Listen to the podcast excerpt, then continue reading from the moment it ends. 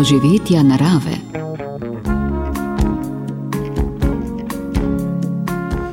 Lepo zdrav, dobrodošli. Dragi poslušalci, današnja zadnja letošnja oddaja Doživetja narave bi lahko odprla skrinjo spominov na vse navdihujoče zgodbe in goste, ki so jih iz tedna v teden prinašali Ob poslavljanju starega leta je tudi priložnost, da se spomnimo svojih trenutkov, ki smo jih preživeli na planinskih turah ali kje druge v naravi, v raziskovanju in doživljanju vsega, kar je prinašala skozi letne čase, od zasneženih vrhov do cvetočih dolin.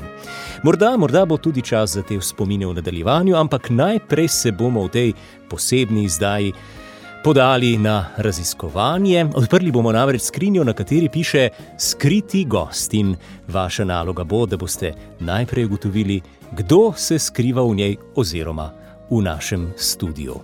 Lepo vabljeni k sodelovanju, zdaj le bomo kot ponavadi tudi danes pogledali v konec tedna, zadnji konec tedna v letošnjem letu. Vremensko, kako kaže, zjutraj je Nataši, dežurna meteorologinja, Veronika Hladnik Zakotnik povedala takole jutri potem vseeno eh, nekaj sončnih žarkov več, eh, torej ta oblačnost se bo nekoliko bolj pomaknila bolj proti primorski, tako da jutri drugi več sonca. Eh, vseeno pa nova, nova oblačnost od zahoda prihaja potem v nedeljo, z njo pa tudi padavine. Že zjutraj bo začelo deževati na zahodu države, zvečer in noči na ponedeljek, torej v prehodu novega leta pa se bodo padavine okrepile in razširile nad vso državo, tako da nas čaka posod oblačno in deževno vreme v prehodu prihodu v novo leto, pa tudi bolj vetrovna nedelja, ter potem tudi še začetek ponedeljka, začetek leta, torej še vedno bo pihal ukrepljen jugozahodni veter.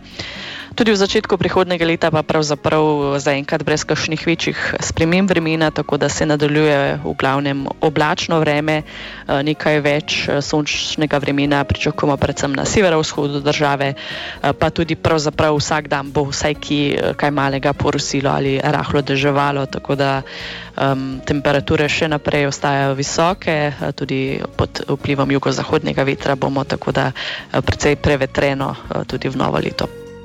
Tako čisto aktualna napoved, pri vremenu pa se bomo zadržali tudi z našim gostom. Tole je zdaj že majčken namik. Z mehkim odmevom gorskih vrhov, še petom narave v ozadju, vas Andrej Novljan in Blaž Lesnik lepo vabiva, da se skupaj z nami podate na zadnje letošnje doživetje. Dobrodošli. Zimska doživetja narave.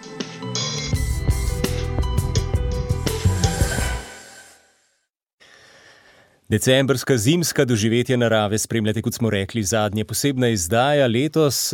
Tokrat ne bo vprašanje, katera po vrsti, lahko kar povem, da je to 51. letošnja oddaja.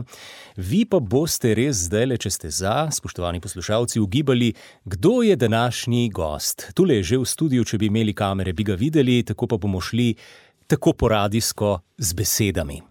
In sicer začnimo kar pri letnici, gost je rojen leta 1965, to je takrat, ko so bili bitli na višku in morda si bo zaželel tudi kakšno od njih. Eh, pa morda dodam še eno zanimivost, ki bo morda bolj zmedla koga, ali pa tudi ne. Uh, igral je v velški godbi in sicer saksofon. Tako le začnimo pri teh dveh podatkih. Naša številka je nič 1, 512, 10, nič nič in čakamo prvi klic.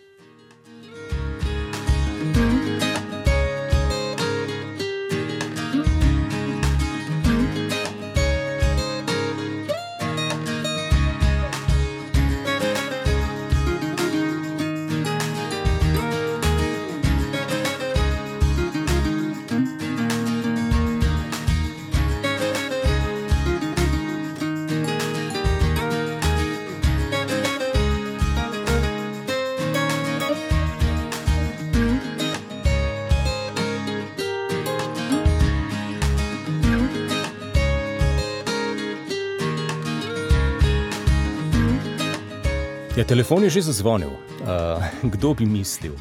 Lepo zdrav, doživetje narave, blaš tukaj, kdo na oni strani. E, tukaj pa Tjaša. Ja, dober dan ali dober večer, Tjaša. Dob, dober večer. Um, Jaz bi kar ustrelila, aj prav. Ja, sej, mislim, drugače ne bo šlo, ampak sem pa, sem pa presenečen, ker tukaj imam še cel kup podatkov, tako smo mislili stopnjevati malce. Vi ste pa kar poklicali uh, velik Nekako pogum. generacija je, generacija, generacija moja, pa sem je. rekla. Mogoče je, no, ne A, vem. dobro, dobro, Jaz poskusila. pravim, da je Brane Gregorčič. A, ne, ne, ne. Aha, vidim, da Okej. vas je tisti podatek, da bomo govorili o vremenu. Um, Ja. Malce zavedam, ampak ne, Zavedel. ne veliko. Ne veliko. Uh, mislim, da se, da se poznata. Ne? Mislim, da se poznata, ampak um, da, da, okima, ja, se. Uh, ampak uh, ne, ne bo pa čisto ista stroka, nekaj podobnosti pa je. Uh, hvala, hvala lepa, hvala, ker ste predrli let. Uh, tale let je pa lahko tudi istočnica za naprej, ampak bomo že preveč izdali. Tjaša, vse dobro. Velja, ne stidanje, Srečno. Uh, začeli smo eh, in marsikaj že izvedeli, pa dodam naslednji podatek. In sicer gost je eh, bil vodnik splošne telovadbe v športnem društvu Narodni dom, deset let pa je za dnevnik pripravljal rubriko Vreme in ljudje. Pa še to lahko dodam, da je tudi pri nas bil večkrat že gost, poleg tega pa je sodeloval tudi na Radiu Dur. Nič ena, 512, 10, nič nič.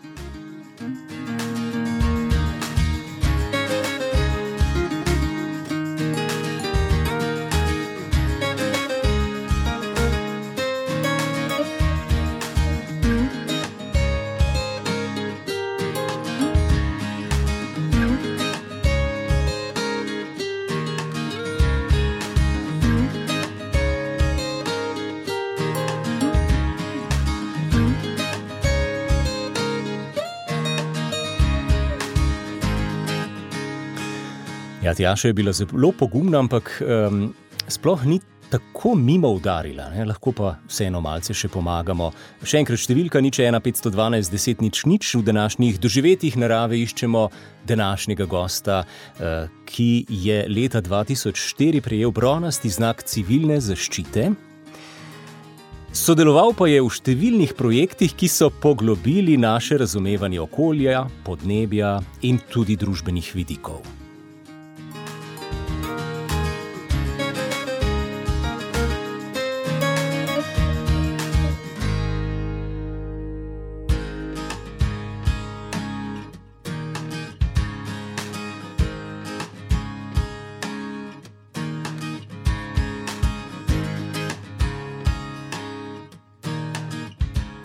Poslušate zimska doživetja narave.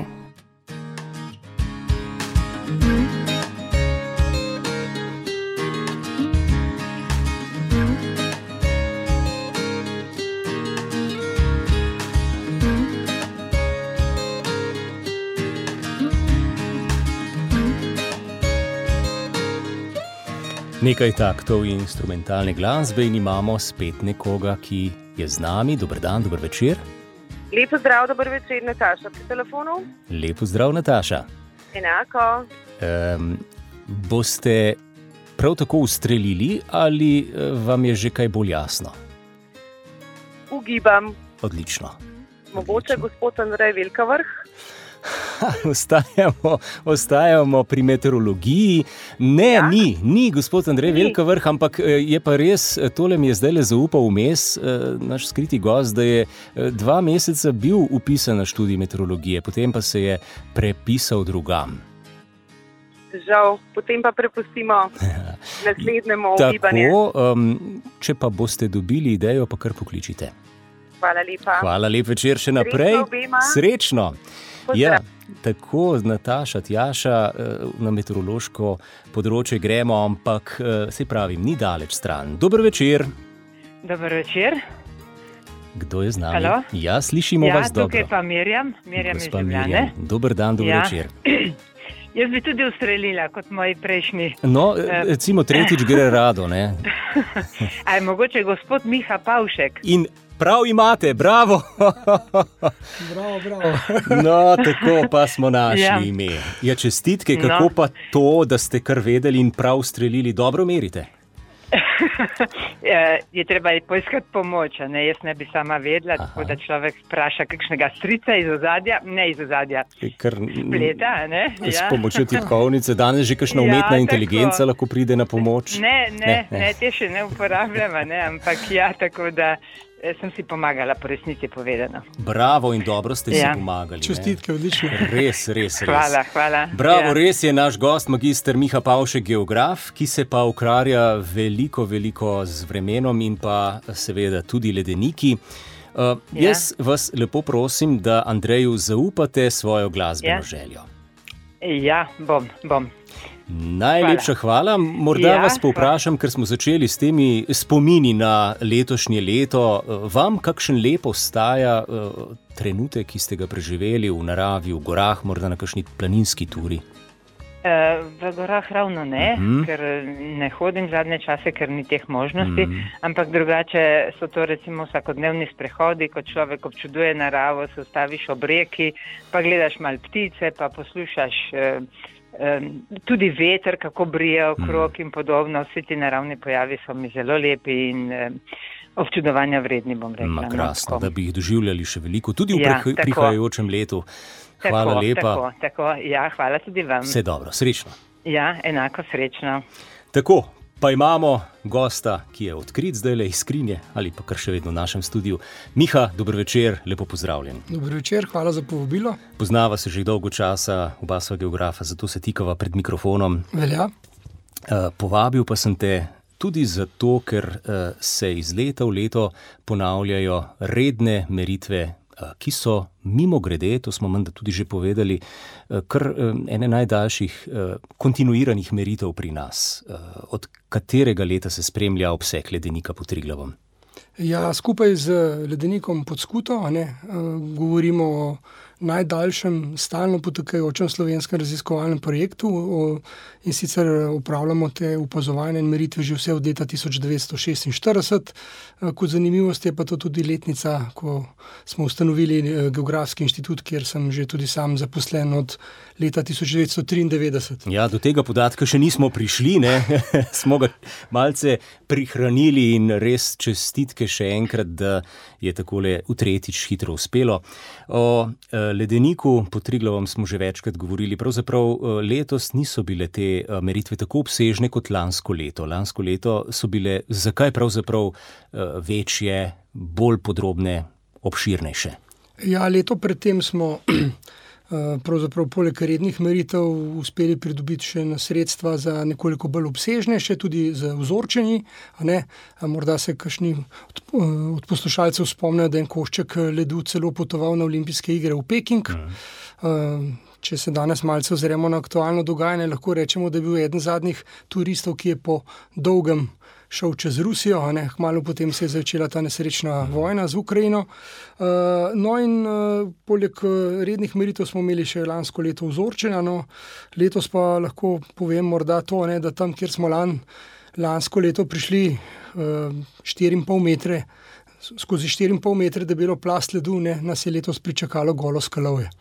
Uh, tako močno se je skrčil v tem zadnjem, oziroma če smo malo bolj natančni, v zadnjih dveh letih. Ne, uh, Eh, spomnimo se lanskega vročega, suhega poletja, ne. letošnjo je bilo pa tudi toplo, ampak seveda ne suho, ampak uh mhm. -huh. zelo, zelo mokro. Ja. Vsi še dobro se spomnimo poplav in uh, kot kaže, seveda. Je tudi to vplivalo? Tudi to vplivalo v kombinaciji, ne, tako da pravzaprav imamo pod našim najvišjim vrhom, ne, eh, kjer je te dni.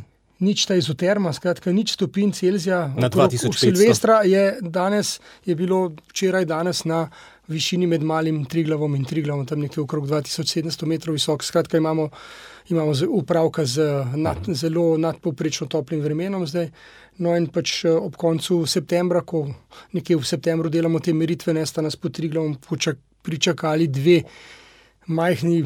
Težko rečem, ledeniški krpi, ne že bolj kosa ledu, skupaj manjši kot nič cela dva hektarja.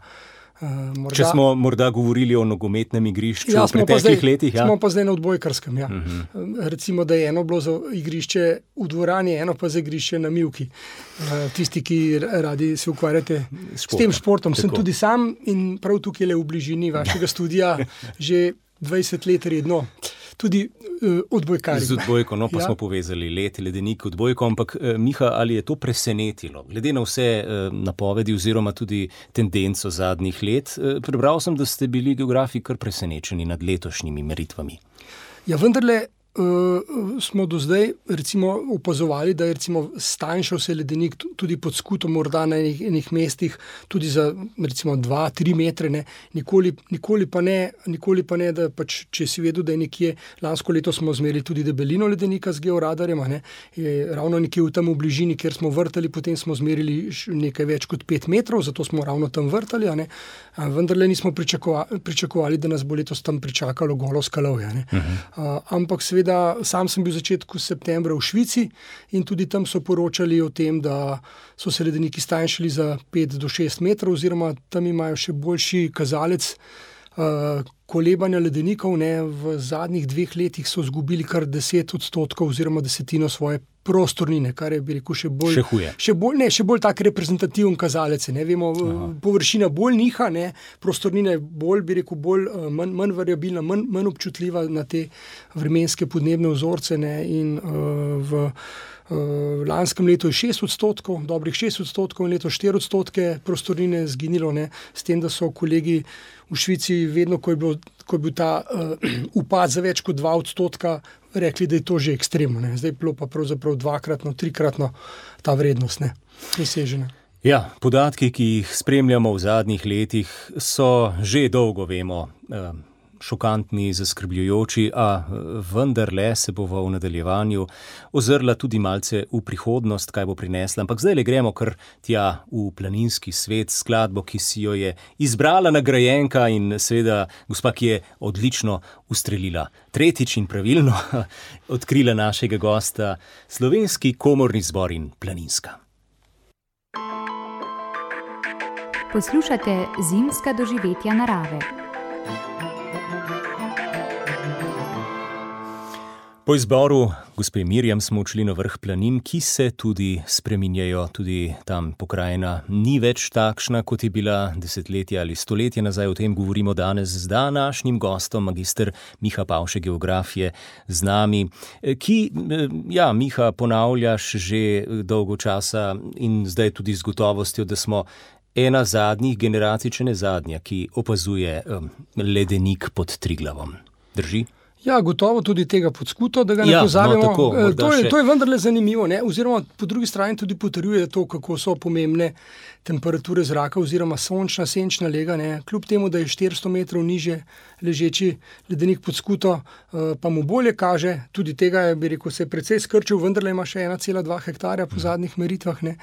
Ampak je... pač še enkrat več se je potrdilo, kako je pomembna ta senčna lega, ker je mhm. vendarle uh, sedem mesecev na leto je današnja površina ledenika pod skuto celoti v senci, medtem ko samo pol tega časa. Ta zadnja površina triglavskega ledenika. In mhm. to se seveda kaže kot zelo pomembno. Ne, ne glede uh, na to, pa seveda velja izpostaviti to šestmesečno obdobje med majem in oktobrom, ko govorimo o talilni dobi. Ne, uh, Namreč lansko in letošnje leto smo imeli upravka z najvišjo izmerjeno vrednostjo po letu 1955. Za to obdobje imamo seveda zaradi bližnje meteorološke postaje na Krederici na voljo zanesljive meteorološke podatke. No in z 6,1 stopinja Celzija sta tako lansko kot letošnja talilna sezona bili najtoplejši, sledita je talilni sezoni 2019-2018 in na petem mestu 2012. Skratka, vse je v zadnjem desetletju in tudi, če gledamo od leta 1955 na prvih 13 mestih so vsa leta po letu 2000. Ne. To seveda več kot eh, zgovorno govori o tem, da eh, ne, ne vem, če po teh podatkih eh, bi lahko še našli kakšne Druge podnebne razloge. skepnike. Ja.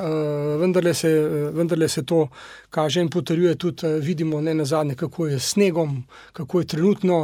Kako so te zelene zime, a ne z nekaj uh, nihanji. Ne. Um, vendar letos je pravzaprav uh, Nekak, če smo z začetku zavistjo gledali na severno stran Alp, imajo tudi tam zdaj toplo vreme. In zaradi tega, ker so imeli prej snežne padavine, še poplave, ne povrh vsega, kakšen teden nazaj smo videli na češkem in severni strani Alpa. Uh, in seveda, uh, kot, kot so rekli pred začetkom naše vdaje, ne, kar nič še ne kaže, da bi se kaj ugrelo, ker še vedno bomo na jugozahodniku. Uh, tudi, recimo, ko dobimo lepo vreme. Ne, uh, se ta, ne ohladi. Ne, ne se območje visokega zračnega pritiska je pravzaprav imamo pravka z azorskim. Uh, anticiklonom, ne, ki leži, po, že vemo, kje je, po imenu. Uh mhm. -huh. In seveda prihaja potem iz jugozahoda, iz zahoda zračne gmote nad nas. Ne. In pa seveda drugo, druge, so, druge tvorbe so potem te doline, ki se spustijo zahodno od nas in smo potem mi na sprednji strani in seveda smo deležni tega stalnega jugozahodnika, ne, ki je seveda lahko občasno bolj vlažen in potem seveda tem primorskim krajem na dinarski pregradi prinese, bi rekel, nekaj dežja, rusenja, ne medtem ko štajerci in prekmurci pa imajo še večinoma sončno vreme in nek, nečemu takemu smo priča tedni. No, vsi slovenci pa hodimo smučati na severno stran Alp, kjer pa je eh, že kar nekaj let ta vzorec, da dobijo snežne pošiljke, ki so obilne. Ne? Ja, eh, v zadnjih letih se pogosto eh, zgodi, da ta dolina, ki se spusti, nekako ustane severno od Alp, mm. tako da vendarle ta del še nekako doseže, ne, južno pa ne pride. Vemo, da mi imamo največ padavin, ko se od te doline odcepi manjše, manjša dolina, bi rekel višinsko jedro oziroma uh, sekundarni drugotni ciklon. Najbolj ga poznamo kar pod imenom genovski ja. ciklon, ker je središče po pogosto nad, uh, Geno, nad, italja, nad italijansko Genovo ali saj tamkajšnjim zalivom, in seveda potem uh, nekoliko zaustavi ta proces, medtem pa lepo po drugi strani ali pride pri tleh hladen zrak in se je ta kombinacija pri tleh hladen zrak in pa ciklon malce više, da tudi obilne snežne padavine pri nas ne žal, pa je pri nas. Uh, Že nekaj let tega nismo videli. Ne? Ja, Tako. ciklon pride, ampak seveda še v toplem delu leta. Uh, tak, s takim ciklonom smo imeli upravka uh, letos poleti. Ne? Tak ciklon je običajen za jesen jesen, tudi sem in ta pride tudi kakšen po zimi, letos smo bili pa deležni poletine in kar je bilo še hujše, se je zelo počasi premikal ne? in so bile tiste padavinske linije, kar bi rekel, kar več ur na enem in istem mestu in potem, potem brnik dobi 200 litrov v desetih urah, mhm. kar je. Kar je, kar, je, kar je božka količina držav, recimo vsakih nekaj let. Ne. Ampak seveda za, te, za usrednjo Slovenijo, kjer imamo pa normalno rečno omrežje, ne hudurniške vodotoke, je pa se to preveč in svet tudi za številne druge kraje hmm. in območja, ki so bili deležni letos kar hudih popla, eh, posledic zaradi poplav. Ne. No, pa smo naredili kar hiter pregled že zdaj le tega le vremenskega dogajanja v letošnjem letu. Eh, še kaj takega, kar izstopa, eh, poleg seveda poplav in visokih temperatur? Ja, letos je ta temperatura morja. Ravno danes sem pogledal v Tržavskem zalivu, ima more še vedno 12 do 13 stopinj, pa smo že tik pred Silvestrom. Uh, vemo, kdo je bil za krompirjeve počitnice uh, na Jadranskem morju. Skoraj vsi, ali pa velik del njih, so se kopali, ne skratka, konec oktobra, začetku novembra. Ne, uh, ne na zadnje, pa če se spet vrnem k poplavam. Ne, Uh, ko smo dobili te padavine, ne, je bilo, je bilo uh, more v zahodnem sredozemlju 3 do 4 stopinje, uh, nad dolgoletnim povprečjem, se pravi, temperatura morja je bila 3 do 4 stopinje višja od dolgoletnega povprečja v tistem času in seveda to daje ogromen padavinski potencial. Ne vemo že. Eh, če govorimo o temperaturah zraka, ki veliko bolj koleba in se spremenja na hitrejše, eh, rekel, hitrejšem eh, časovnem intervalu, Interval, pa seveda morje veliko počasneje reagira in seveda take, take odstopanje temperature morske vode ne dajo še toliko večji padavinski potencial. Ne. In seveda, zato smo deležni v zadnjih letih nek, neke te, če, razne temperature, ki, ki stalno rastejo, sploh v visokogorju. Uh mhm. -huh. smo, so, so ta povprečja rezultat veliko večjih nihanj, kot smo jih bili deležni, deležni v preteklosti. In s, tem, s temi vzorci, vremenskimi in podnebnimi, se bomo mogli sprijazniti in pač se jim prilagoditi, uh, ker vendarle narava se hitro prilagodi. Mi govorimo o naravnih nesrečah, narava jih ne pozna. Narava ima pač neko nihanje, je uravnovesena, človek, človek pa pretirava ne? in seveda uh, bo veliko teže vzpostaviti nazaj to ravnovesje kot narava. In uh, kakorkoli gledamo, uh, narava dela vse na dolgi rok. Uh, človeštvo pa zdaj, trenutno, kar se dogaja zadnja leta, uh, ne, kaže, ne kaže te tendence, ne kaže, da bi, potem, da bi vsaj v tem posnemalo naravo. Ne. Smo bolj iz danes na jutri. Bolj smo iz danes na jutri, a pa nikoli nam ni dovolj. Uh -huh. uh, pa če se malo na praznike ozremo, uh, takle pogovor, kot ga imamo mi dva. Uh, Je veliko več vreden kot pa deset ali pa sto klikov, ali pa kakšnih drsanj po mi, z miškami ali pa po kakšnih konzolah. Ne. Misliš je, tako, uživo, tako, oči, tako, ja, to je, to je tisto, tega, tega nam manjka. Uh, vidiš tudi, ko se srečaš s kakšnimi prijatelji, znanci, s katerimi se prej nisi. Uh, sam se spomnim pred leti, da sem se odločil skupaj z, z ženo, da ne bomo pisali čestitke, ampak so nekako tiste, ki so jim čestitke namenila, potem skušala v teh prazničnih dneh obiskati. Uh, zdaj, vsako leto je to malce težko, Ma, se ampak težje. vendar pred nekaj leti smo pa to izvedla Lepo. in je bila, Ja. se je pokazalo kot zelo dobro in, in uh, bi rekel, zaupanja vredno. Uh, uh, kot je rekel kolega antropolog iz uh, ZRC-ja včeraj, ne, a to, pravih prijateljev imamo malo, ne, zato je treba ta prijateljstva negovati in vzdrževati. Je pa vsaka stvar, tudi prijateljstvo, eh, vedno dvostransko.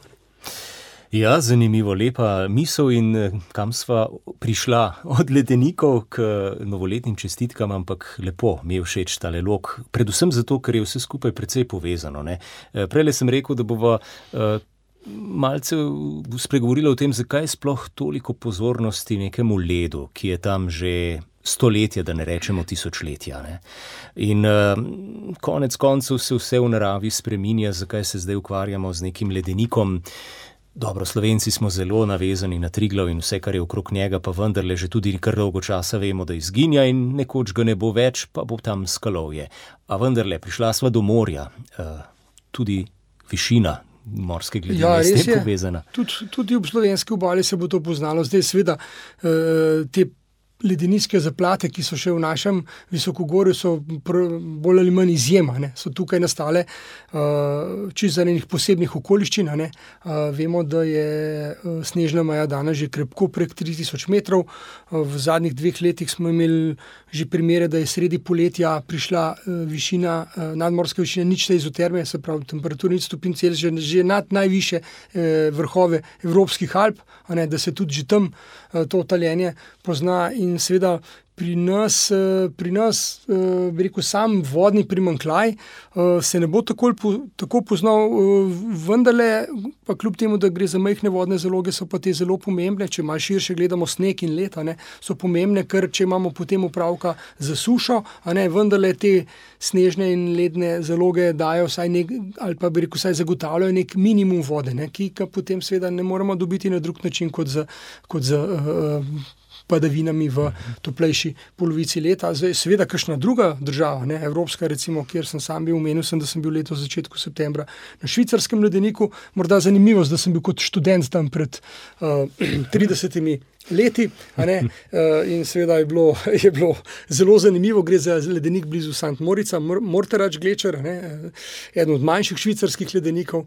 No, eh, seveda, recimo Švicari, ne, pa še kakšni francozi, tudi eh, del Nemčije, so pa seveda, pa seveda sosedje naši, italijani, avstrici, ne, imajo pa precejšna območja, ki so zelo, zelo povezana z ledeniki. Ne. In če malo širše gledamo, eh, tukaj sem pogledal recimo mm, 11.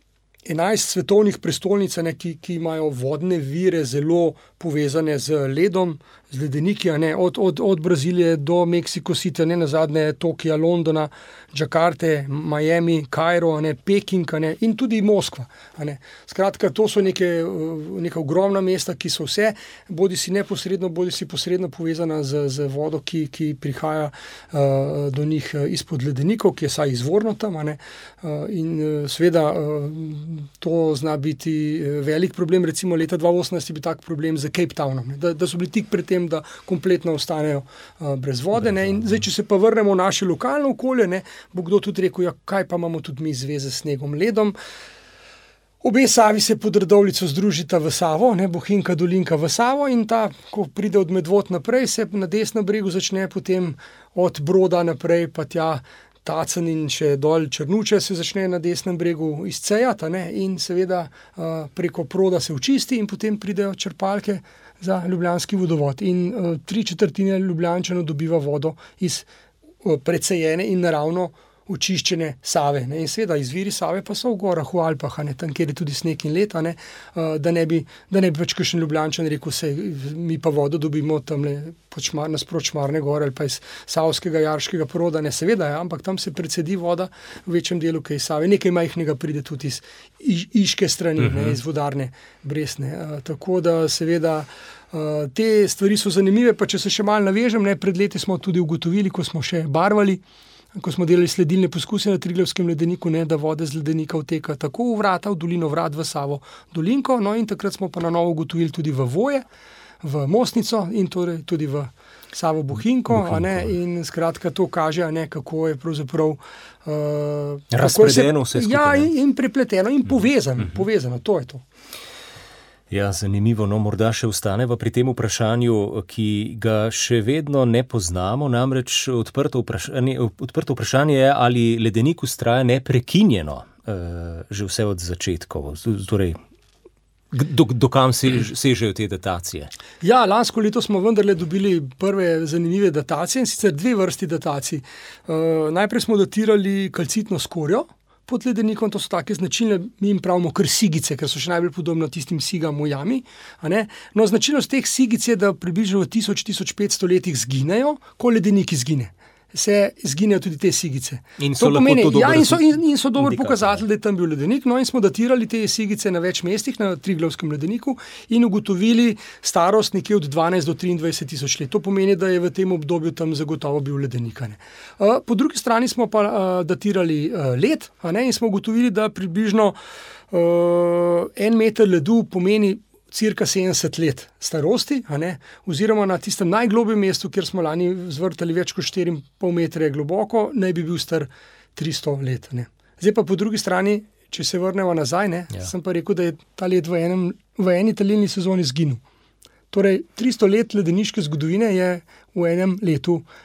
Odplaknilo, da tako, da tako rečemo. Razmer, ja, mislim, mislim, da je to dosta tako, rekel, uh -huh. da, eh, predvsej razumljiv razumljiv kazalec, ne, kaj to pomeni. Je pa res treba vedeti, ne, da, da v naših razmerah, ne, v nekih idealnih ledeniških razmerah, ne, imamo 6 do 8 metrov snega, pa 3 do 5 let, da dobimo en meter debelo plast ledu. Ne.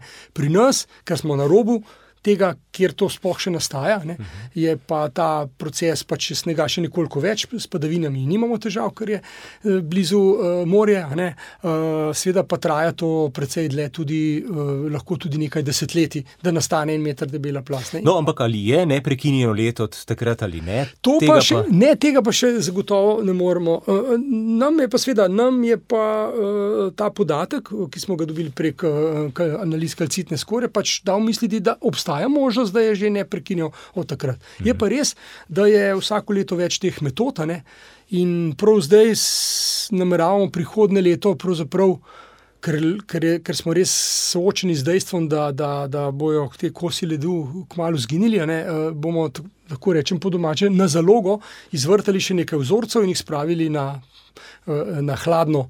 Eh, na hladna mesta in jih potem v naslednjih eh, letih skušali še analizirati. Kot sem omenil, so vedno nove metode um, na voljo. Um, Sveda pa smo tle, bi rekel, bi bolj goli in bosi se zatečemo po pomoč kemikom, fizikom mm. ne, in drugim eh, bolj egzaktnim vedam, ki pač imajo tudi ne nazadnje boljše labori, laboratorijske kapacitete. Se pravi, ja, shranjevali jih boste v raziskovalne namene, tako, tako. Ne, ne tako iz čustvenega. Uh, vidika. Ne, ne, ne. ne. Rekli, želeli bi prihraniti nekaj tega koščka ledenika pod Triglavom za zanamce.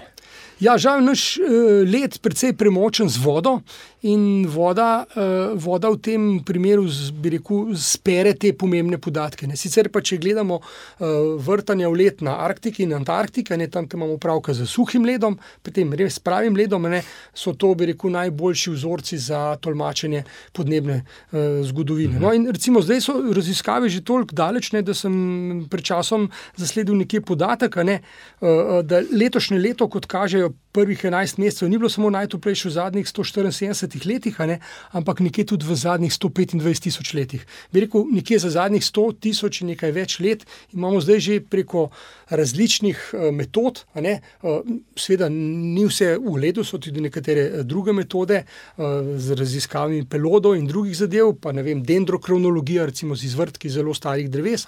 Lahko pridemo, bi rekel, dlje nazaj v zgodovino kot sam teh zadnjih 150 let, ko imamo bolj ali manj na voljo kar zanesljive uh, meteorološke podatke. Uh, skratka, to, to kaže, ne, da, da, je, m, da je to segrevanje res uh, enormno ne, in uh, da še nikoli v.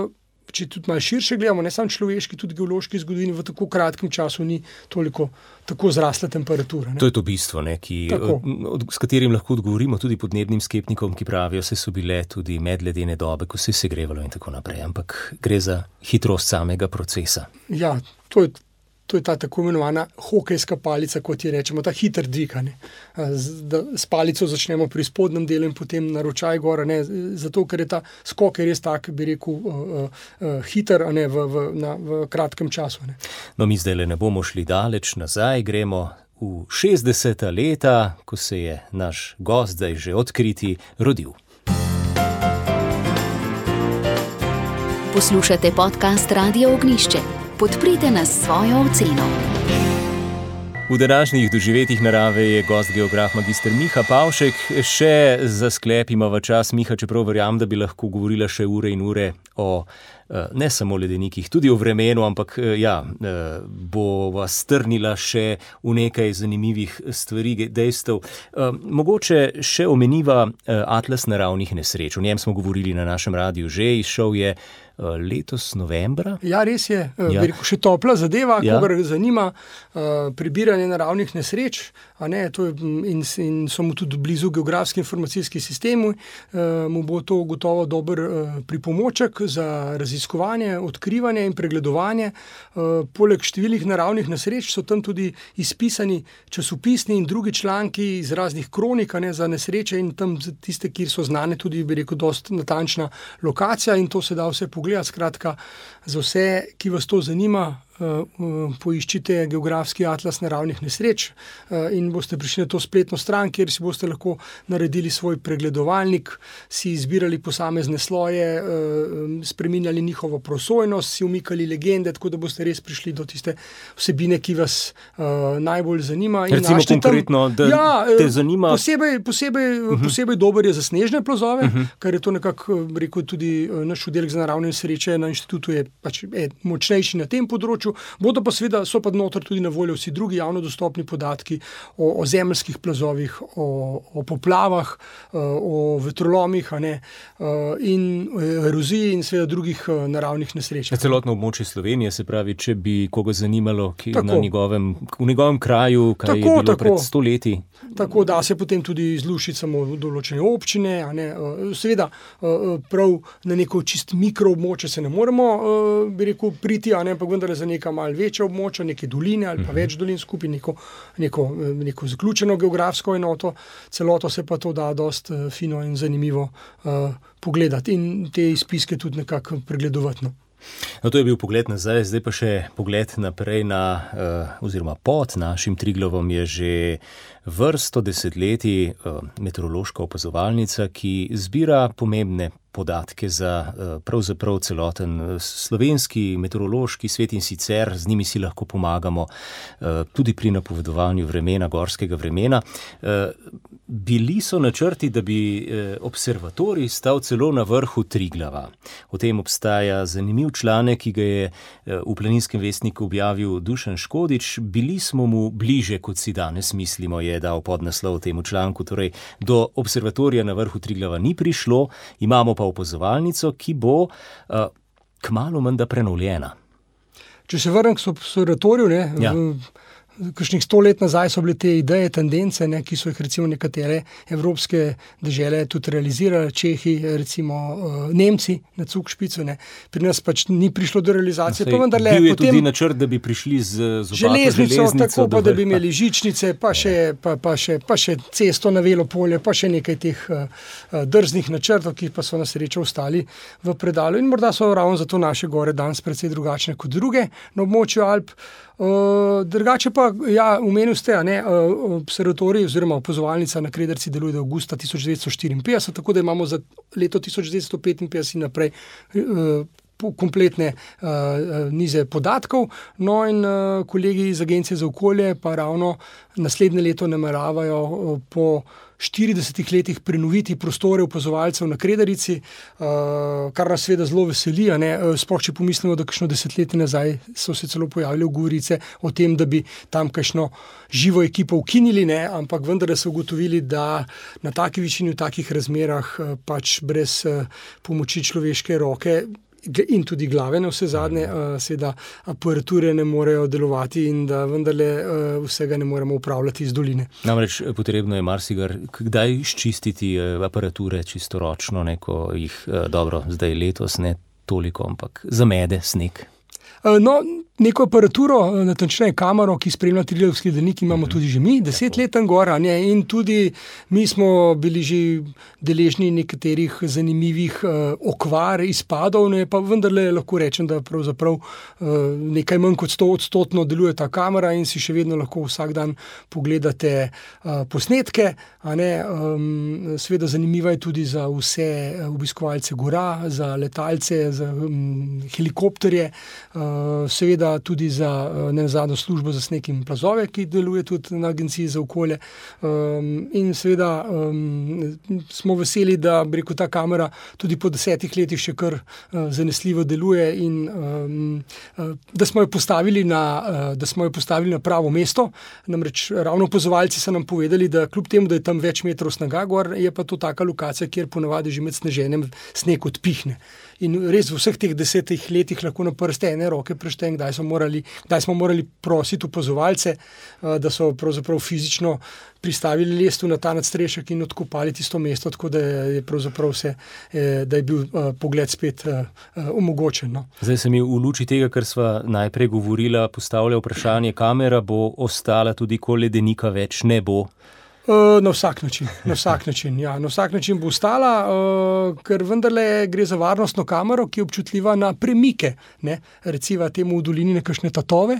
Uh, Sveda te tatovi so pa v gorskem svetu lahko kašni padajoče kamenje, snežni plazovi in takrat se kamera še posebej vklopi, uh, se pa te slike shranjujejo na en poseben uh, medij tam gora ne? in se ne prenašajo takoj v dolino, ampak jih dobimo samo obdobno, ko pač pobiramo, ko praznimo, rekel, te pomnilne polnilnike uh mhm. -huh. na samem mestu, ne, kar, je, kar je samo enkrat, dvakrat letno. Uh mhm, -huh. no, to je pa še to tehnološko ozadje. No, ampak, če smo že pri tem, morda še čisto za konec ob izginjanju ledenika, se v ozadju oziroma v, v spodnjih delih kažejo. Novi prehodi, nekaj novih vhodov v podzemlje se odkriva ob tem, ko ledenik izginja. Eh, še morda tu kakšno zanimivost, eh, bo kaj pripeljalo novega za raziskovalce? Eh, gotovo. Veseli smo, da je kolega na inštitutu pridobil projekt, večletni projekt raziskovanja ledu v jamah. No, in si izbral tri jame, ena od teh je tudi Vačičeva jama pod Krederico, Eh, druga je uh, Paradana, ledenica ne, v Trnovskem gozdu in tretja snežna jama na Raduhi. Uh, če pa se vrnemo nazaj na let, ne, ja, ko bo ledenik izginil, s tem se tudi odpirajo neke možnosti novih vhodov v podzemne prostore, imamo pa seveda že tam upravka z enim večjim, večjih jamskih ledenih teles v Triglavskem breznu. Namreč Triglavsko brezno je nastalo ravno zaradi Triglavskega ledenika, saj je tam več tisoč ali pa deset tisoč let otekala večja količina vode v podzemlje ne, in zato je ravno to. Odkrili smo še številne druge vhode, ki pa nimajo nadaljevanja v Brezna, tako da je na tistem območju Triglavskih podov Triglavsko Brezno zdaj trenutno edino, kjer se pride več uh, sto metrov globoko. No, in uh, verjamem, da v naslednjem letu in dveh.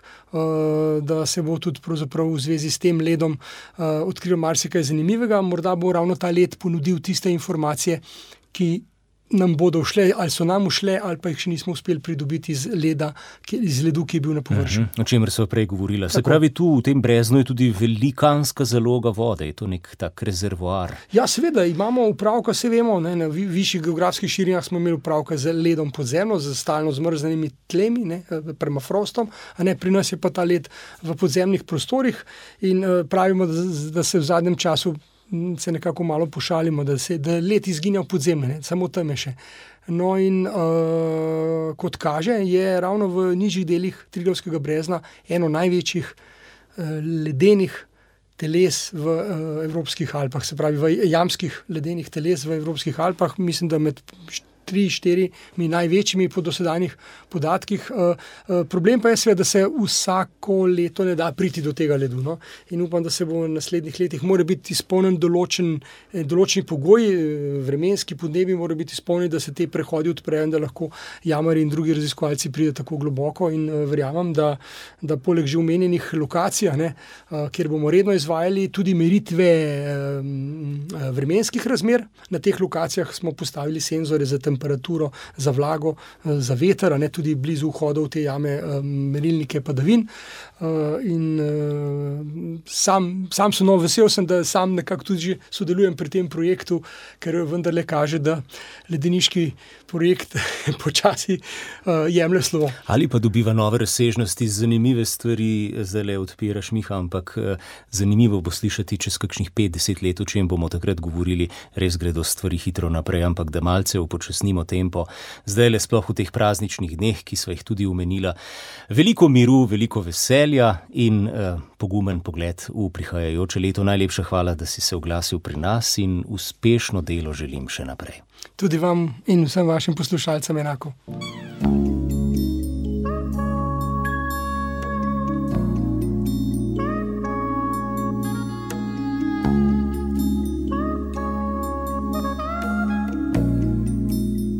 Doživetja narave. Dragi ljubitelji narave, ob koncu le še zahvala vsem vam, ki spremljate iz tedna v teden tole naše druženje in seveda z željo, da bi se nadaljevalo v prihajajočem letu tudi z novimi spomini. Naj se nabirajo v, na začetku prazen koš in ohranite tiste najlepše, ki vam bodo lepšali vaše tedne, mesece in leta. Vse dobro in nasvidenje v novem letu. Vam želiva Andrej Novljan in Blaž Lesnik ter seveda dodajava varen korak tudi ob prestopu v novo leto. Naročite se na podcast oddaje. Storitev je brezplačna. Radio.